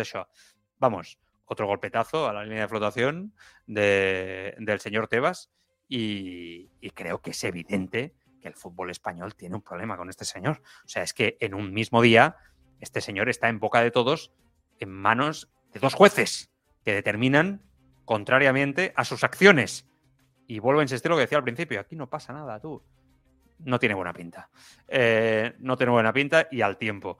En todo caso, es verdad, Carlos, que la Superliga está salvando los match ball, ¿eh? Últimamente. Mm, hay que decirlo, lo que parecía hace el mes de octubre, creo que fue aquello, ¿no? Que salió aquel informe, a la espera definitivamente de lo que diga Luxemburgo, que eso es lo que ha dicho Laporta, ¿no? En varias ocasiones, que es lo que va a valer definitivamente, ¿no? Sobre la Superliga y el poder. Yo creo que, que no lo va a tener fácil, ¿eh? UEFA y FIFA. Es que yo creo que sí, esa resolución, que hay que decirlo, porque también es cierto que, que fue muy favorable a, a la UEFA, ¿no? En, en, su resolución, ¿no? Por parte de, de la Unión Europea, si realmente cambia, ¿no? Y hay un giro de guion y se alinea a favor de la Superliga. Yo creo que es una, un pistoletazo de salida. Hasta ahora todo está muy, desde 2021, muy ralentizado, ha ralentizado mucho la marcha, ¿no? Por, por eso, porque se ha judicializado. Pero si termina con esa resolución, yo creo que la Superliga me da la sensación, esto es una sospecha, evidentemente, que están trabajando en la sombra para sacarlo en cuanto, ¿no? Sacar el proyecto adelante en cuanto le den el permiso, porque ya no habrá ningún tipo de cortapisas, ¿no? Ya se habrá, bueno, liberado de todas estas de todas estas cadenas. Dicho esto, eso no significa que vaya a ser inminente o que siquiera vaya a hacerse, porque la verdad es que pocas veces, ¿no? Este, luego la, el informe final, ¿no? De Luxemburgo que tú comentabas Bueno, y- ha variado. Y la, ¿no? y la voluntad de la Superliga de introducir a UEFA en, en- en to- en- en todo. O sea, parece que la, la Superliga tiene voluntad de alguna manera Claro, tú fíjate. de llegar a algún acuerdo con UEFA, ¿no? Tú imagínate que pasa eso, ¿no? Que, que la resolución final es favorable a la Superliga un giro de guion. A mí me gustaría ver qué hace la, la, No. la UEFA. Si la UEFA dice, bueno, ahora sí nos sentamos a hablar porque ya no tenemos nada a lo que agarrar. Como lo hemos visto tantas veces a lo largo de la historia de la humanidad, eh, yo creo que esto no es nada nuevo. eh, cuando tienes las de ganar, eh, muchos dirigentes se ponen de culo, se ponen de espalda, que creo que es lo que está haciendo UEFA y FIFA. Si hay una sentencia, en este caso, que le da cierto poder a la Superliga y UEFA empieza a temer realmente a, a esta Superliga, no te preocupes que UEFA se va a sentar para ya no negociar lo que puede hacer la Superliga o el margen de poder, sino para formar parte de la Superliga. No tengas ningún tipo de duda al respecto. ¿eh? Aunque tenga que perder poder, pero mantengo un- mi cuota de poder, ¿no? que es, bueno, volvemos al inicio del programa, el problema, seguramente en este caso de- del fútbol, ya no solo español, sino mundial. ¿no? Estos señores que, llegan a los cargos se creen que, las organizaciones son su cortijo, que se olvidan de defender los intereses comunes para defender sus propias ambiciones personales en el cargo, ¿no? Y esto nos lleva pues a la situación que estamos, que estamos eh, viendo, ¿no? Y que estamos viviendo en una década, yo creo que lamentable, muy oscura y muy fea del fútbol, ¿no? No sé si incluso diría ya la peor, no me atrevo porque ha habido otras. Yo era más joven, evidentemente no las viví de la misma manera que esta, pero me dicen los más mayores que, que se tapaban más. toda la vida. Se tapaban muchas cosas. O quizás más. se tapava més. Bueno, en fin, eh, després amb el, amb el Domènec eh, d'aquí uns minuts eh, i l'Àlex López de Panenca recuperem, si us sembla, tot aquest tema, el tema del dia. Ells també donaran el seu, el seu punt de vista. Anem a escoltar Xavi en tres respostes més. Una parlant d'Anso, amb una pregunta que també m'ha semblat molt adequada. De fet, aquí ho havíem comentat al programa, no? de la diferència entre l'Anso Fati que surt de titular amb el Barça i l'Anso Fati que surt des de la banqueta, no? com a revulsiu, que ja sí que sembla que està molt més acoplat i es troba molt més còmode, i Xavi ha donat l'explicació que ell creu de per què, de per què passa això. Jo diria que són els partits no? que, que ha hagut de jugar. Ha hagut de jugar partits realment difícils. No? El Metropolitano, eh, a casa amb el Getafe, eh, al camp del Girona, on eh, rivals molt defensius, molt forts en els centrals, en molts moments amb tres centrals, Però bé, l'altre dia va fer un gran partit, una enorme feina en, en, la pressió tras pèrdua, intensitat en la pressió alta. De fet, vam generar moltes ocasions en pressió perquè ell anava amb una intensitat al 100%, i això és el positiu, no? que tornem a veure un Ansu amb una intensitat tremenda i li sortiran les coses segur, no tinc cap mena de dubte. Bueno, segueix el missatge de, de portes en fora eh, positiu sempre davant de tothom, una altra cosa el que pensi de portes endins. Eh, és veritat, eh, tot, el, tot el que diu d'Ansu Fati sense pilota, és, és cert, i és veritat que, bueno, que ho hem dit moltes vegades, la pressió alta que fa el Barça és la millor d'Europa i pràcticament és la, la que genera en l'últim mes la majoria dels gols del Barça. Vull dir, és, és més que el joc posicional i el joc en pilota. Ara, que l'Ansu en pilota jugant com a davanter centre i sent titular, està molt lluny de ser el que s'espera. Vull dir, jo crec que això és una, una obvietat. I que tienes que destacar, y la norma o la lógica manda que, que, que cuando Ansu está bien, lo vamos a destacar más por el trabajo con balón que sin balón, por lo que es como futbolista, vamos, creo yo, ¿no? Sí, sin duda. Yo creo que al final la cuestión es eh, un poco yo creía antes que era mucho más mental, pero ahora es futbolística, ¿eh? seguramente. O sea, lo, tú lo comentas el otro día, el tema de la posición donde ha estado jugando los últimos partidos, tampoco es la más adecuada para él, aunque yo antes de su lesión creía que iba a ir hacia ahí progresivamente su carrera. Creo que iba es a acabar. Que si hubiera estado delantero. bien, Carlos, físicamente bien, mentalmente bien, todo bien, la potencia que tenía antes, hombre, pues yo creo que sí, ¿no? Que tenías razón, que todo te podía llevar ahí, pero ahora sufre mucho más. Exacto, pero, claro. pero como perfil de extremo, a mí me da la sensación de que pese a que es un gran revulsivo y que a Xavi le gusta en ese sentido, mm. de titular le deja más dudas porque es uno de los extremos del Barça, si no el único, realmente, junto con Ferran un poco, eh, que juega más hacia adentro, orienta más hacia adentro, ¿no? Su, su juego, no abre tanto banda, sí, sí, ¿no? Claro. Eso a, Está claro. a, Xavi yo creo que le chirría, ¿no? No, no creo que exacto, exacto, no creo que tenga tanto que ver con el nivel, ¿no? Que no le guste el jugador, ¿no? Porque si no le parezca suficientemente bueno para ser titular, sino con el perfil, ¿no? Y, y seguramente cuando Lewandowski no ha estado bien, él ha dicho, mira, pues tengo la excusa para, para tenerlo por dentro, pero yo creo que Ansu Fati o lo compras como es ahora mismo, ¿no? Que es un extremo que interioriza no, no. O, o, o, no te sale, no te sale ni como extremo que abre el campo ni como delantero. Y como, y como jugador que revoluciona por esa potencia que dice Chávez saliendo del banquillo, yo creo que sí que le da. Y que es un Sí, jugador claro. de tanto talento que, que ahí le da. Pero cuando tiene que jugar en una posición que aún no está, como tú bien dices, etcétera, por el centro, yo creo que ahí sufre mucho más, ¿no? Entonces yo creo que eso es lo que estamos viendo. Que Xavi, pues bueno, destaca pues lo mejor de los últimos partidos, que es esa presión alta, porque el chaval se esfuerza. Yo creo que no tenemos dudas y que eso ayuda, pero la presión alta es colectiva. O sea, la presión alta y el juego sin balón excelente és col·lectiu. No solament és una qüestió de, de Ansu. Dembélé, resposta interessant, eh? aquesta de, de Xavi sobre Dembélé, perquè eh, ha explicat, o bàsicament ens ve a dir, que no sap molt bé quan tornarà Dembélé, que els metges li han dit que també és una cosa molt personal de les sensacions que pugui tenir, que és una lesió molt, molt fotuda, i eh, per això allò de mes, mes i mig, dos mesos, dos mesos i pico pod podria arribar a ser i que hem d'anar veient, a veure com es troba Dembélé. perquè és una, és una lesió que està en una musculatura que és difícil de preveure. Al final depèn de la teva musculatura d'alguna manera, de la recuperació i de les sensacions seves, amb sinceritat. Vull dir, hi, ha, hi ha lesions que dius, pum, tres, són tres mesos segur, com la del Ron, l'última, no? Però aquesta és, com que és muscular i és una zona difícil, doncs és, el que ens, tra em transmeten els, els doctors. Eh? Vull dir que al final dependrà molt de les seves sensacions. Ah, vale, pues eh, tot el que no volíem escoltar. Eh, però ja, ja ho, aquí ja, ja l'altre dia ja ho vam tractar així, eh? perquè és, si parles amb qualsevol fisio, metge esportiu, mm, no fa falta que esti- estigui tractant a Dembélé com a tal, tots et diuen el mateix, que és una lesió que això de predir en un mes estarà jugant era pràcticament impossible. De fet, nosaltres per intern, quan parlàvem sobre la lesió un cop es va lesionar Carlos, ja vam posar unes dates Fuimos pesimistas Més como siempre, amples. ¿eh? Però, pero ara s'està confirmant que vam ser Sí, sí. realistes. Sí, sí, sí, totalment. Perquè, clar, allò de no, en un mes i especular sobre si podia estar davant del United i tal, jo, sincerament, jo crec que anem cap al mes i mig, dos mesos, Fàcil, sí, i sí. veurem. I veurem com torna, perquè aquesta és una altra. És una lesió que has d'entrar a poc a poc, no pots entrar de cop. No? Mira, Araujo va entrar de cop i ara els últims partits l'ha hagut d'anar refredant eh? i gestionant els seus minuts perquè s'ha notat que li faltava ritme, ¿no? En aquest sentit, i que era perillós una recaiguda. Y, Que no és la mateixa lesió, eh? y hay precedentes con Dembélé en esto de arriesgar ¿no? y, Claro, y acelerar muchas veces su- sus lesiones. Creo que es un jugador que por historial y por acelerar este proceso de recuperación, en ambos casos hay precedentes en los que el Barça espero que haya aprendido la lección, porque ya son seis años, ¿no? casi con, con Dembélé, cinco años y medio. Y por muy importante y por mucho que le encante a Xavi Hernández, Xavi, yo creo que en este sentido es muy inteligente, ¿no? Xavi en lo que es la gestión de- del Mm. jugador, sabe que, que hay tempos y por mucho que lo necesite, salvo que sea final, final, final, final, ¿no? Del último partido del año, creo que tiene que saber gestionarlo y, y saber Va. cuándo colocarlo. Tenim última hora, a aquestes hores de la tarda, a les 7.57 sobre el mercat de futbol, del Barça especialment, és el que estem pendents. El Barça acaba de descartar a Amrabat.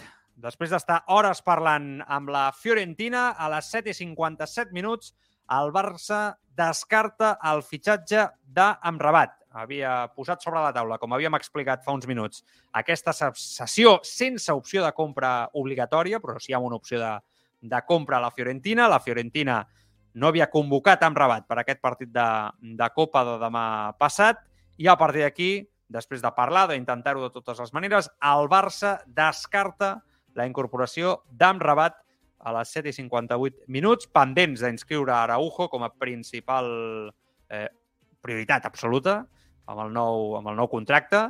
I quedaria el nom d'Araujo de Los Angeles Galaxy, a veure si es descarta o no, lateral dret, el mexicà, que a nosaltres ens sembla una broma, jo personalment em sembla una broma, eh, i després està el tema de que es busca una alternativa amb Rabat, ¿no, Carlos? Porque parece que en el Barça no se descarta eso, ¿eh? Sí, según apunta Mundo Deportivo, el Barça está buscando alternativas, pero ya reconocen desde Pero ¿Qué alternativa nos vamos a encontrar? a la- que es muy difícil. tarde, vamos, que es muy difícil. Dicen que es muy difícil. A ver, yo creo que no puedes descartar nada, pero eso de abrirte, ¿no? A- o sea, entiendo que, que quieran abrirse, ¿no? A buscar alternativas, pero yo no creo que el Barça esté persiguiendo activamente ahora un, un- recambio. ¿eh? No, esto sabes cómo funciona. Te vienen los agentes que te están friendo el móvil todo el día, eh, a meter la maña, en todo caso, y, y entonces van ofreciendo nombres. Y cuando te van ofreciendo nombres, vas diciendo, ah, pues mira, este tampoco está tan malo. Eh, Xavi, ¿por cuánto este, no, saldría? hòstia, Aquest em va agradar, una sessió, tal. I a partir d'aquí és quan es, es comença a especular. Ah, jo, jo crec que el Barça no farà cap mena d'operació i celebraré molt si Ronald Araujo, el seu contracte, està ja inscrit a la Lliga i serà un èxit absolut del Barça en aquest mercat haver pogut inscriure lo de Gavi i lo d'Araujo, perquè són dos jugadors vitals pel futur de, de l'entitat. bueno, si hi ha alguna novetat més, us informem. Ara farem tertúlia amb l'Àlex López, i, que ja està per aquí, i el, i el Domènec Garcia. Uh, un últim tall de Xavi, fem pausa. Eh, Xavi parlant dels moments. És un tema interessant, aquest, eh? De, dels moments de l'equip, no? En, en quants partits dels últims s'ha jugat bé, segons ell, i alguns on no s'ha jugat tan bé. Els resultats tots són bons, no? I, i Xavi ha fet una explicació interessant. Si cogemos los últimos 6-7 partidos, pues creo que hemos jugado muy bien en cuatro y en los otros dos no hemos estado del todo finos. Y aún así, fíjate, el fútbol, el fútbol tiene estas cosas. El día del español creo que hacemos un gran partido y empatamos. Y el día del Girona no hacemos tan buen partido en ataque y lo ganamos 0-1. Y son así las cosas. Nuestro objetivo es, a partir de jugar bien, ganar los partidos. Este es el objetivo y no hay que esconderse. Nuestro modelo de juego, nuestro ideario es, a partir del balón, de tener la posesión, de atacar en campo contrario, de generar ocasiones, ganar los partidos. Pero no siempre se consigue. Es, el, fútbol tiene esto de, caprichoso. Muchas veces no jugando tan bien ganas y jugando un partidazo pues no ganas. Y es así, es así. Lo que hay que intentar es acercarse al nivel del partido de la Supercopa contra el Madrid 3-1, que hicimos un partidazo. Un partidazo. Es nuestro objetivo, jugar siempre así y ganar de esa manera, siendo muy superiores al contrario. Pero no siempre es así. Todo en el fútbol se iguala mucho, la gente trabaja, la gente tiene muchas cosas trabajadas en ataque, en defensa, en estrategia, que todo llega a igualarse. ¿no? Estamos viendo, hay equipos que lo están pasando muy mal. Es al Liverpool y lo está pasando mal. El Bayern le cuesta ganar. La misma Juve, como está el Inter, ¿no? que parecía muy, muy fuerte y le cuesta. A todo el mundo le cuesta ganar, no es fácil, todo, se iguala. Ya no hay esa superioridad de un equipo hacia el otro, no hay, no hay, es- es otro fútbol ya. Bueno, aquesta declaració a molta gent no li ha, no li ha agradat. He vist molta crítica Fins i tot hi ha qui diu no, que Xavi baixa els braços una mica. Eh? bueno, ja veurem si són o no declaracions potser desmesurades. Ara li pregunto a l'Àlex i al Domènec què en pensen, a part de tot el, el tema del dia, amb aquesta victòria amb la justícia. No, no, Carlos, se te oye. Se, te oye, si hablas con Domènec. Sí, Javi, venga. Pensaba que tenía el micrófono. Ah, no te preocupes. Uh, uh, amb aquesta victòria no, de la justícia, el Barça, del Barça davant de la justícia amb la, amb la Lliga. Ara els hi pregunto, però abans, pauseta i tornem aquí al Tribuna Marca. Va. Ràdio Marca és l'emoció.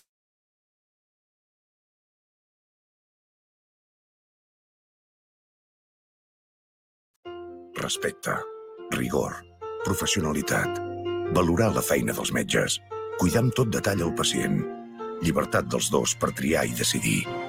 Per tot això i molt més, Assistència Sanitària és l'asseguradora més ben valorada pels metges. Assistència Sanitària, la millor segons els metges.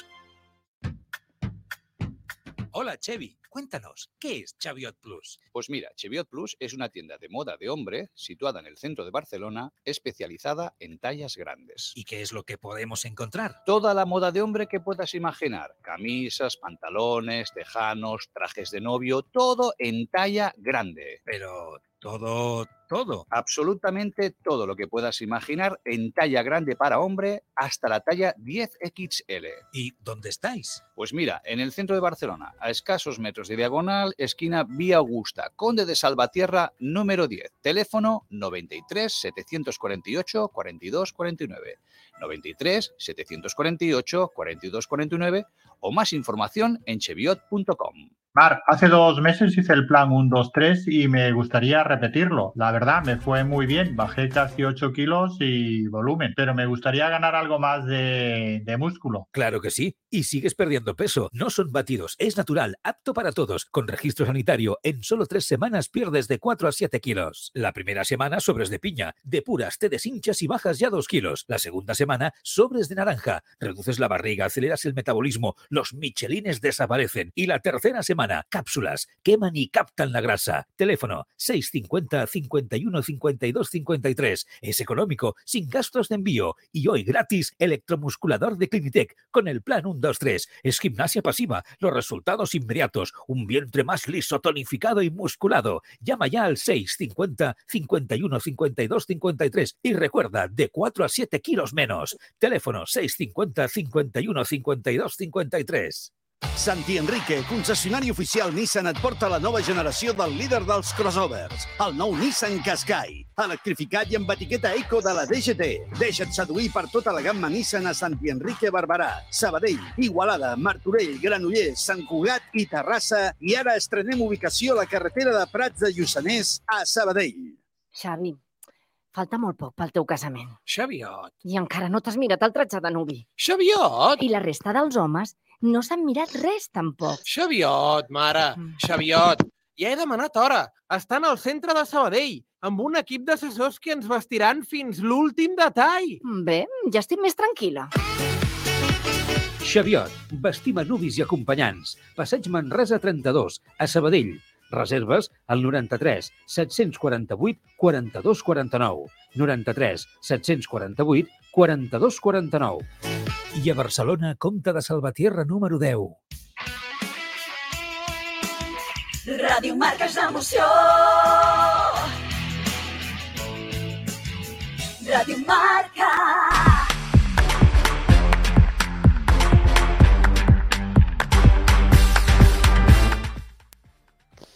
Va, seguim al Tribuna Marca. Tindrem, jo crec, que mitja horeta de tertúlia. Amb l'Àlex López de Panenca. Àlex, què tal? Bona tarda, com estàs, crac? Molt bona tarda. Què tal, com estem? Molt bé, amb ganes d'escoltar-te. Hi ha molt, molts temes, eh, avui, a més amb tancament de, de mercat, però ara, ara us pregunto amb el Domènec Garcia, també. Domènec, què tal? Bona tarda, com estàs? Bona tarda, molt bé. A la teva disposició aquí, disposat Home, a tot. Quin plaer. Molt bé, quin plaer. Bueno, a veure, us meu. pregunto si...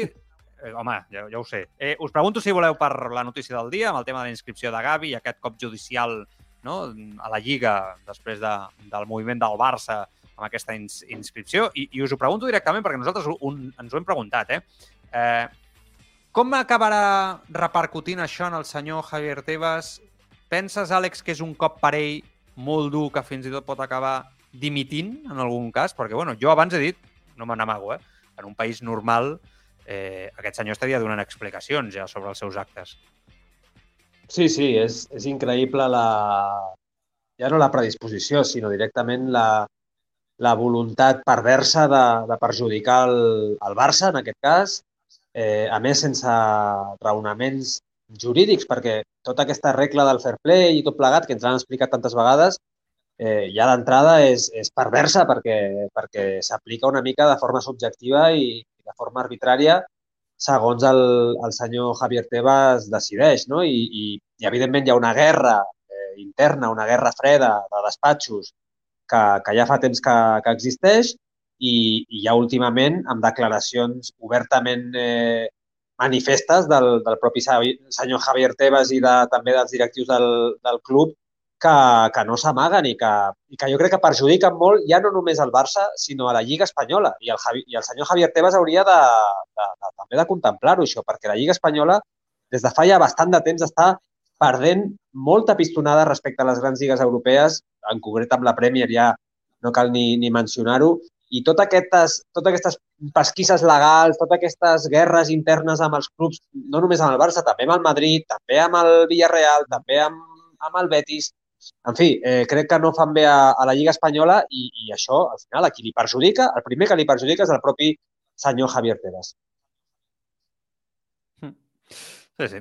Domènec, què n'opines sobre Tebas, el personatge, la Lliga, la interpretació i la reacció del Barça, també? Sí, n'estic molt d'acord amb el que diu el company, perquè, a veure, en aquesta reunió que va haver-hi de la Lliga Professional a Dubai es va aprovar una cosa que afectava molt directament en el Barcelona i en les cèlebres palanques de la Porta, perquè, perquè es va aprovar de que si es venia un club patrimoni eh, a fi efecte pues, de, de superar deutes i mal moment econòmic i crisi econòmica, etc etc, no només es podia imputar, em sembla que va sortir, el 5%, el 5% d'aquesta venda destinada a rebaixar el deute i destinada a arreglar les seves finances. I això es feia a fi i efecte de que els clubs, perquè també estava el Betis implicat en aquest aspecte, eh, no s'arruïnessin venent el seu patrimoni. Que a mi em sembla això pues, una cosa, una postura patriarcal de dir com que sou tontos, nosaltres us ajudem a que no feu tonteries, m'entens? Bueno, és que és la, és la línia d'aquest senyor, agafar més poder Exacte. del que li pertoca de forma constant. Sí. Exacte. I el Barça està en una situació de debilitat de que jo crec que en el club, la directiva, no n'és conscient la directiva, parlo de la porta directament, perquè directiva no n'hi ha, a més ja se n'ha anat també el llaurador de l'Espai Barça, eh, i són els quatre, el Juste i el, la porta, eh, jo no sé si el Massip remena les cireres, que em sembla que també, i a l'Alemany. Aquest és la, la, la força que té el Barcelona, els quatre directius, i no hi ha un eh, CEO que, que, que mani ordeni i el últim que vau intentar va ser el Ferran Reverter i el van fer fora o se'n va anar ell, millor dit. bueno, I això em refereixo, ara m'estava apartant d'això, i, eh, i, i, i jo crec que en aquest moment de debilitat que està el Barcelona, l'últim que li interessa també, per desgràcia, quan estàs dèbil tens de ser conscient de la teva situació, enfrontaments contra la patronal i, eh, clar, el, el, la Porta fa seguidisme amb el Florentino amb això de la Supercopa, el qual em sembla perfecte, ojo, i crec que em sembla que ha sortit també una sentència favorable a la Superliga. He dit Supercopa, volia Sí, dir. Superliga. Eh, Superliga. Sí, sí, ho hem comentat abans. Superliga, sí. I, i aquest, amb, amb, amb aquest enfrontament el Florentino Pérez, bueno, mm, ell està, pues, bueno, el seu club va bé econòmicament, està a punt de culminar un estadi impressionant, i guanya copes d'Europa, lligues, etc etc, mentre que el Barça va estar en una situació de precarietat que també Molt complicada. ha de ser conscient de la, teva situa de la seva situació. Sí, Domènec, no, però perdona que et talli. I no anar a la guerra però- d'aquesta manera. Però Digues, va a la guerra. Perdó. El Barça va a la Sí, sí. guerra, planta cara. Oh, i tant No? hi va. Hi va, declarada. Però, clar, quan vas a la guerra tens de saber si al contrari té tancs i tu només tens fusells, doncs eh, tens difícil eh, eh, poder superar però en el rival, de no? moment, de moment no li va malament, eh? No li va pas malament amb aquesta, amb aquesta sentència d'avui. El qui, amb, amb aquesta, no, no, li va molt bé, però bueno, Home. hi ha molt camí per recórrer encara. No, però a mi em sembla perfecte, eh? jo sóc partidari de la Superliga. Ho sé, ho sé. El que passa que ara jo em poso amb el terreny del Barça i que està portant una bandera una bandera i, un, i una actitud bueno, bel·licosa defensa contra els seus... la, la, la Lliga de Futbol Perdona m'hi fiqui, eh? De, Però, sí, no defen- defensa, defensa una cosa és la drets. Supercopa i, i una altra, eh, Joan, una cosa és la Supercopa i una altra La és la situació del Barcelona.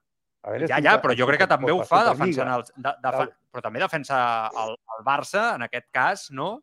Eh, Sí. defensa la, els seus interessos, amb la inscripció dels jugadors, amb unes normes anti-Barça. Jo, jo, com a mínim, crec que és, Ah, clar, és bastant clar. sí. I davant de la justícia, jus- la justícia li dona la raó. Jo, jo avui crec que han estat molt valents els dirigents del Barça. I, i, i Oh. m'agrada la valentia a l'hora de Sí, sí. dirigir un club. Si el Tebas encara no ha parlat, oi? Em sembla d'això. No, espera't. No sé si, no sé si parlarà. per- Ja perquè dic, no? la patada que li han donat avui ha sigut d'aquelles... de- Eh? Ah. Oh, i tant. I tant. Una Àlex, vols dir alguna cosa, tu?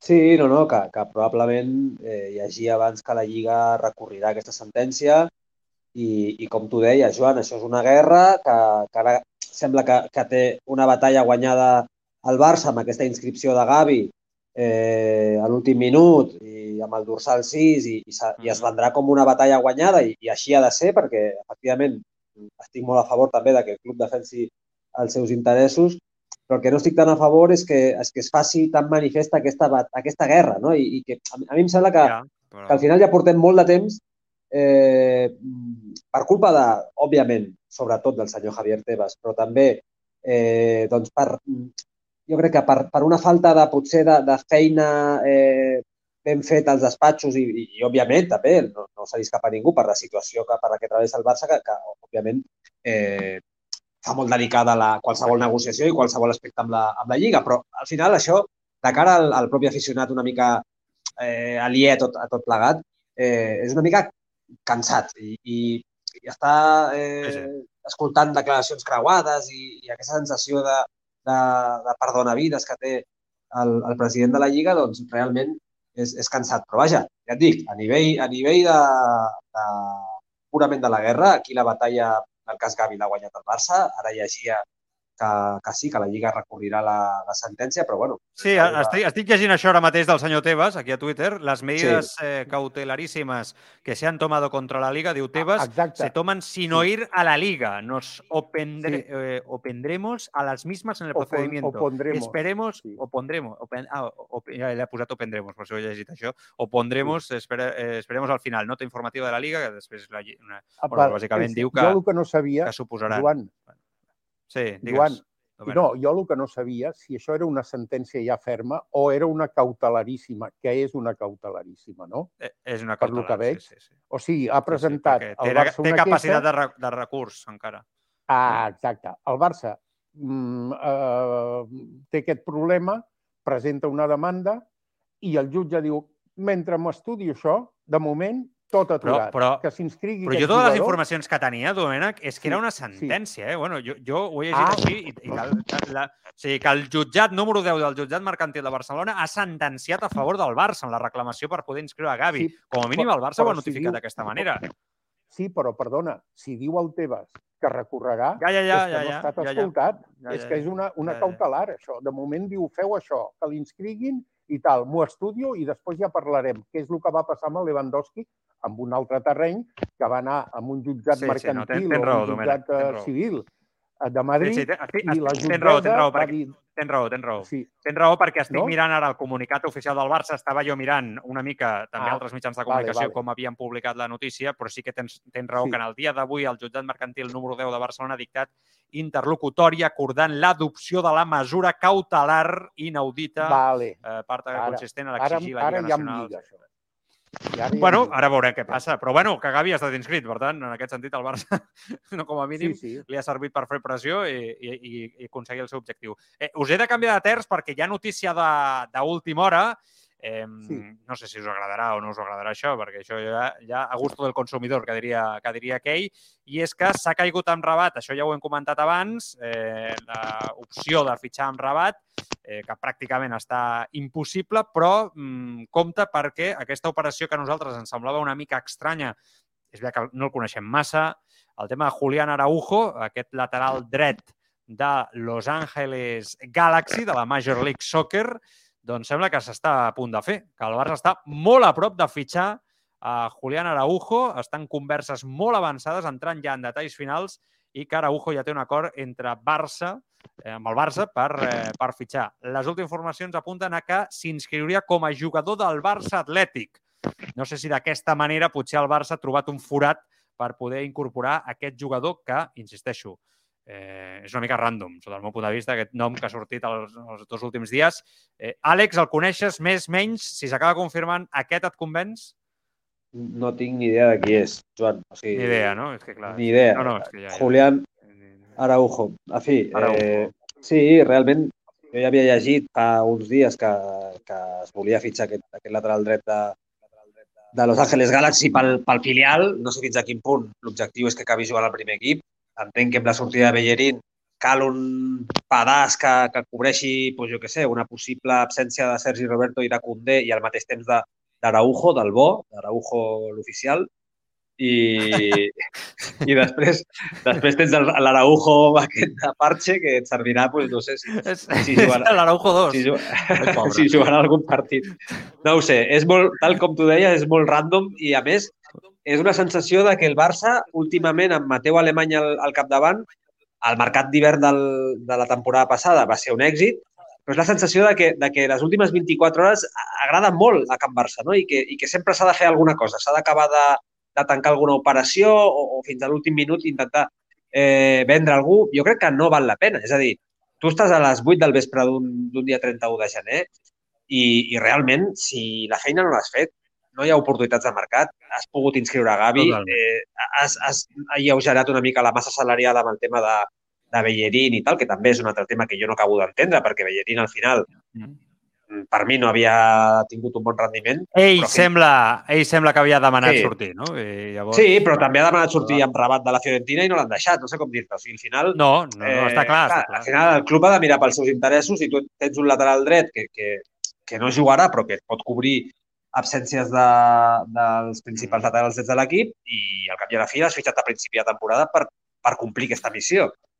En fi, que, que regalar-lo, com s'ha regalat eh, últimament a jugadors mm, eh, com Memphis Depay a l'Atlético i, i tot plegat, no, no ho acabo d'entendre. O sigui, a mi regalar jugadors mai m'ha semblat una, una, bona, una bona idea, però vaja, eh, al final el mercat està així, eh? jo també veig que els altres clubs també ho fan, sessions d'aquestes rares que, que abans no existien i ara també estan de moda.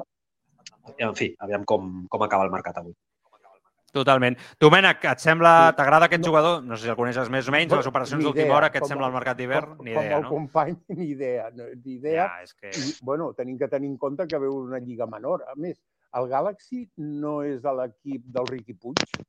Riqui Puig? Sí. No? Sí, senyor. Sí, sí. Que por cierto, estaba aquest viendo, ens pot- estaba viendo que Julián Araujo estuvo en la Barça Academy de Estados Unidos, ¿eh? Ha estado ahí jugando en la Barça. Sí, és de, del planter, és del planter. Del planter, eh? Sí. És de la pedrera. És de la pedrera. Bueno, no sé. Made in la Masia, eh? És que Total, també total, el no Barça, tinguis dubtes.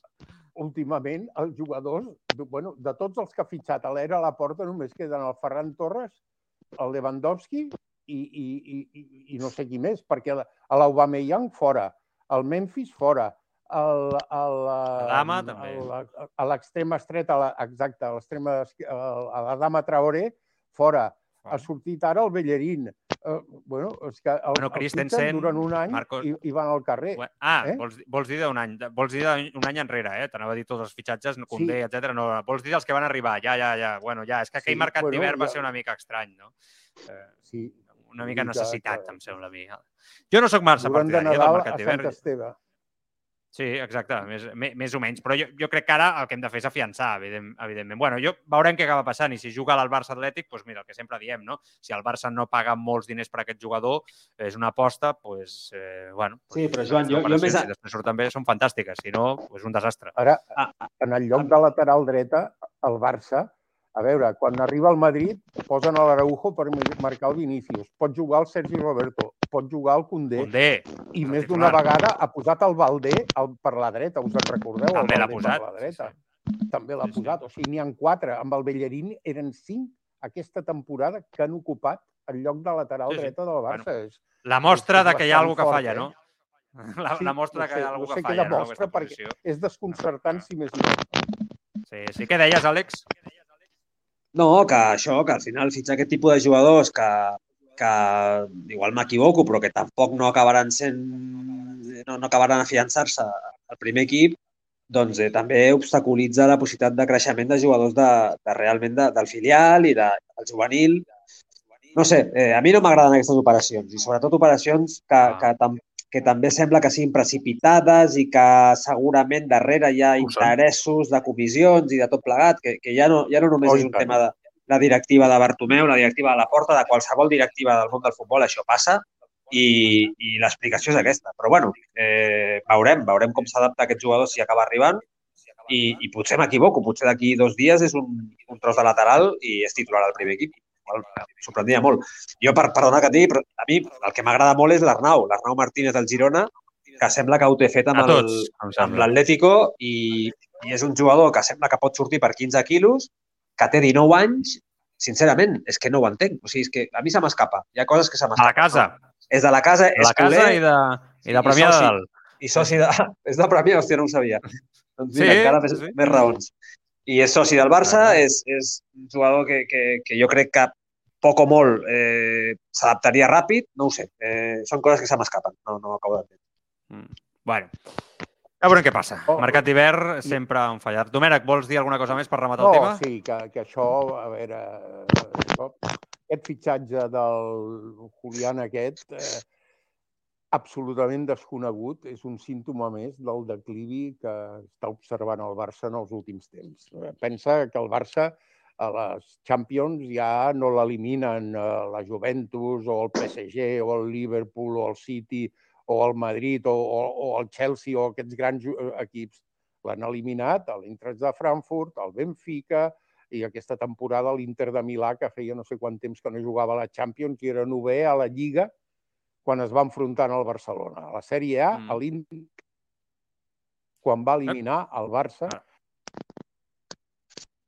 sembla que tenim aquí algun problema amb el telèfon, amb la cobertura, perquè el Domènec està entrant per, eh, per telèfon amb la però cobertura del... símptomes, eh? A fi, Ara, eh? I de que el declivi de l'equip ha comprat un jugador que em mereix tots els respectes, evidentment, que es diu Julián Araujo, que juga en el Galaxy d'una lliga menor, com és la Lliga dels Sí, sí, Estats la Units, Major League que Soccer. no el coneix Estem ningú. O sigui, fitxa desconeguts per al primer equip que els ha de camuflar jugant en el filial perquè no té eh, doncs, bueno, marge econòmic, fair play, digue-li el que vulguis, per inscriure a la Lliga com a jugador del primer equip. És que, ostres, és molt fort, tu, la situació complicada. Té un estadi enmig enderrocat, la tercera graderia del Gol Sud, esperant que surti una empresa que financi l'Espai Barça, que no la troben per enlloc, i que han concedit les obres amb una empresa turca que no la coneixia ningú.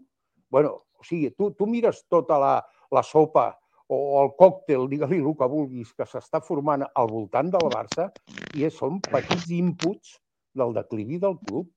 Jo crec que això, i a Vale. més que està a la ruïna, eh, parlant en plata. No? Punts de vista, com sempre, evidentment, aquí plurals al Tribuna Marca i ens encanta que sigui això. Hi ha un tema que fa dies que, bueno, us ho vull preguntar avui perquè jo crec que és el, el dia. Avui que us posaré un, un moment de la roda de premsa de la portaveu d'Helena Fort, eh, on estava explicant, ja sabeu que totes aquestes mesures, el Barça va fer un comunicat també posterior explicant totes aquestes mesures perquè no torni a passar el que va passar davant de l'Eintracht de Frankfurt amb les eliminatòries europees, ara, per exemple, el Manchester United, no? en, en aquest sentit. bueno, a la roda de premsa mm, parlava, no? se li preguntava sobre aquest tema, però, evidentment, quan t'exposes a una roda de premsa, doncs els periodistes, els companys periodistes que assisteixen a ella, doncs, eh, pregunten sobre aspectes relacionats també amb la teva àrea, sobretot l'àrea institucional del club. Eh, a la roda de premsa va passar això. I això bueno, s'ha comentat molt, especialment entre els companys, entre els que ens dediquem a això, però també fora per part de molts aficionats, davant no, de la manca, potser, de eh, claretat a l'hora de respondre obertament com a vicepresidenta no? d'un tema clau com és també el tema de l'estadi, que deia ara el Domènec, el tema d'aquesta constructora turca, no? l'IMARC, que ha sigut ja, per cert, avui, avui ja, em sembla que s'ha fet oficial, si no m'equivoco, no? Sí, sí, avui s'ha fet oficial ja l'acord amb, amb l'IMAC com a constructora del, del nou Camp Nou, de l'espai Barça, no? bueno, anem a escoltar el moment delicat on els periodistes, els companys que volien fer preguntes sobre aquest tema de, de l'IMAC, d'aquesta constructora turca, eren tallats, tallats literalment, no? Eh, per part del responsable en aquest sentit de premsa, a l'hora de poder preguntar sobre aquest aspecte i ho comentem. Mari Carmen, Mari Carmen, fem, fem, fem una, sisplau. Si no, no ens dona temps. Després, en tot cas, si hi ha temps, em passa el micro. Sí, bona tarda, aquí darrere. Eh, Adrià Soldavila, de Ser Catalunya. Eh, aquest matí ha publicat el Confidencial una, una notícia parlant sobre el tema de l'IMAC, de la constructora... Adrià, estem eh, per la feta que queda prou determinat. Possiblement no has arribat tard. Eh, la roda de premsa és per aquesta Ja, ja, matèria. Mm, Crec que t'ho ha quedat prou clar. Sí, que home. la gent està respectant aquesta... Però no es pot aquesta preguntar per, un altre cop per cap altra cosa. Pregunto, eh? Això només parlarem d'això. Que queda Crec prou que és clar. prou important com per parlar només d'aquest tema. Molt bé. Si en vols fer un altre d'aquí, no hi ha cap mena de problema d'aquesta matèria. El día 19 de marzo hay un clásico y se acaba de confirmar. Eh, Marc, eh, eh, no, em fa l'efecte que també s'ha arribat tard. Hem dit No, no, que no. aquesta, aquesta roda de premsa és només per això. Eh, Però, no, no, és que no, no m'has deixat acabar, Àlex. No, però la, la, insisteixo, estem parlant del partit del Manchester United. Però, però, li, li, Estem... però Àlex, em, em deixes... Però deixa'm acabar la pregunta i llavors simplement et demano això. Sisplau. No, no, si... És, és per saber si el protocol serà el mateix... Eh, No, no puc acabar la frase. No, no puedo, Un no, temps sobre el clàssic ni Copa del Rei. Estem preguntant sobre això? És per si, si el protocol serà el mateix, simplement. Si el protocolo serà el mismo en, en el clásico que en el partido contra el Manchester United. No, crec que és una pregunta completament Escolteu una normal. cosa, hem parlat de partits al risc i jo crec que aquí s'ha tot explicat. Bueno, uh, aquí tenim una persona que va ser director de comunicació del Futbol Club Barcelona, com és el Domènec Garcia. Hòstia. Si et sembla, Àlex, que comenci ell i a partir d'aquí... I que acabi, sí. Jo, jo no, Bueno. no em vull mullar massa. Ok, ok, ok. És un Jo, tema delicat, com- és un tema molt, molt, molt aquell, delicat. Eh, no hace falta, només, només escoltant, com diria aquell, no hace falta decir nada más, no? Em sembla que era el Johan. El Schuster, ho sí, deia, el Schuster ho deia. O, Schuster, o el Schuster, Schuster, no sí. hace falta... Només escoltant això no fa falta dir res més. Home, ja en aquí acusava a la porta en l'època que jo estava allà de manca de transferència que transformaria el club, el Núñez, que transformaria el club en SA. Imagina't el Núñez que va batallar amb el Javier Gómez Navarro, que era el president del CSD, per aconseguir que fes l'excepció amb el Barça, el Atlètic de, de, de Bilbao, a l'Osasuna, i després es va afegir el Mendoza amb el Madrid perquè tampoc es transformés en BCA. Pues, acusant d'això, de falta de transparència, de, no, bueno, de, de tot allò, i després passa això. Vull dir, això és un altre símptom de la, símptoma de, de la decadència del club. Tu veus els inputs que es van succeint i el que passa que té una capa protectora eh, el senyor Laporta, de, que és excepcional. Aquí, amb qualsevol altre president, bueno, ja estarien caient, no dic bombes atòmiques, però quasi a sobre del club, no? Però, bueno, és igual. Eh, Els socis diuen que sí a tot, el- li aproven tot, etc. Allò, doncs endavant, que fa baixada, tu. Ja, ja, ja veurem com acaba tot. Mm. A la teva època era comú que a una roda de premsa eh, es batessin eh, preguntes, eh, Domènec? Encara que tu fessis una roda de premsa sobre jo- un tema, quan preguntaven obertament els periodistes, podien opinar, podien preguntar sobre el que volguessin? Jo recordo aquella cèlebre eh, roda de premsa en el que Van Gaal va dir allò de tu eres muy malo, que anava dirigit Sí. en aquest periodista holandès, ara no recordo el nom, Bueno, que mm. era una roda de premsa per presentar el partit d'homenatge al Vaquero, que se n'anava a Mèxic a fitxar per no sé quin club, i es Sí. presentava i estava el, el Bengal, el no sé què i no sé quant. I, eh, bueno, va sortir preguntant, ara no me'n recordo per què es va desviar, ah, sí, perquè a l'Òscar li havia dit amb un entrenament que no tienes ritmo, no sé què, no sé quantos, i, bueno, i el Bengal es va, bueno, va sortir, es va enfilar per les parets. A les rodes de premsa en allà eren open, absolutament. Es passava d'un tema No, a és l'altre. que és co- és com I crec que- que ha de ser, eh? Dels És com- problemes... I era... Eh? Què, què? Que crec que ha de ser Perdó? així. És que a mi em sorprèn eh, No, no, aquesta sí. decisió del club de vetar d'aquesta manera preguntes de companys sobre un tema, un tema, no? Eh, perquè mm, Sí.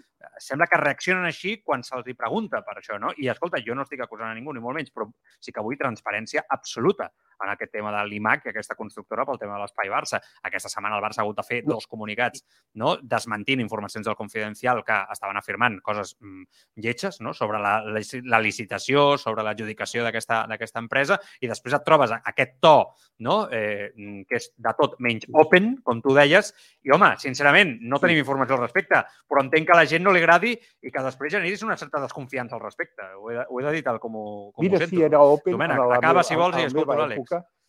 No, ja, ja dic només una això. Jo et dic que els cinc anys que vaig estar exercint allà de director de comunicació, mira si era open, de que teníem un president, que era el president Núñez, de que, bueno, no es preparava ja els temes, sinó que els improvisava eternament i així es passaven ja, coses com, bueno, de, de coses i fets i situacions que tots és coneguda perquè, eh, bueno, arribava un moment que, que, que o deia coses massa gruixudes o, o les tergiversava involuntàriament perquè anava improvisant i al final, pues, bueno, però rebutjar temes, ni un, Mai. el president. No, no, bueno, Això ja rebutjar no. Que, que, Negar que la paraula. defectes. Que és, és pitjor. O sigui, No, no, negar la la paraula, paraula. treure el micròfon eh, amb autoritat, no? moral fins i tot pràcticament, no? Sembla que... No sé, mi m'ha sorprès això molt, no, eh, sincerament. Mai, mai se li va tallar el micro a cap, a, a cap, Clar, mai clar, se li va és això, és això. tallar el micro a cap periodista, ja t'ho puc dir. Vale.